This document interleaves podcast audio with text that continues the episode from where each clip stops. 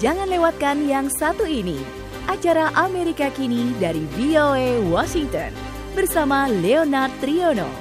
Jenny Arias mengelola sekelompok pekerja di perusahaan kontraktor kecil di Virginia yang dia miliki bersama suaminya. Dia mengaku memberikan suaranya untuk Donald Trump karena satu alasan utama. He's a very, very smart businessman.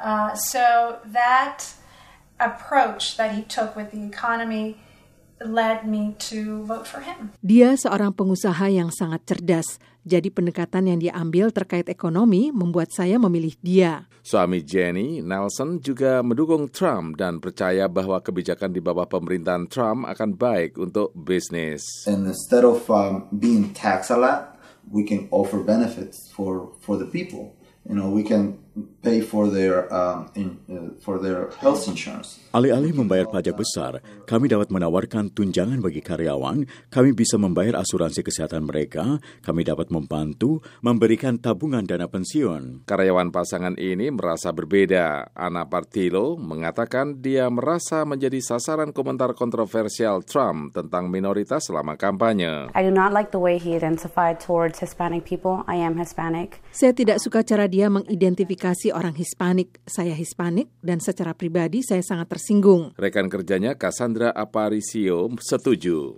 I felt that was very wrong about trying to deport everyone, families, Mexicans being rude, trying to build our wall. Saya pikir itu sangat salah tentang berusaha mendeportasi semua orang, keluarga, orang Meksiko, bersikap kasar, berusaha membangun tembok.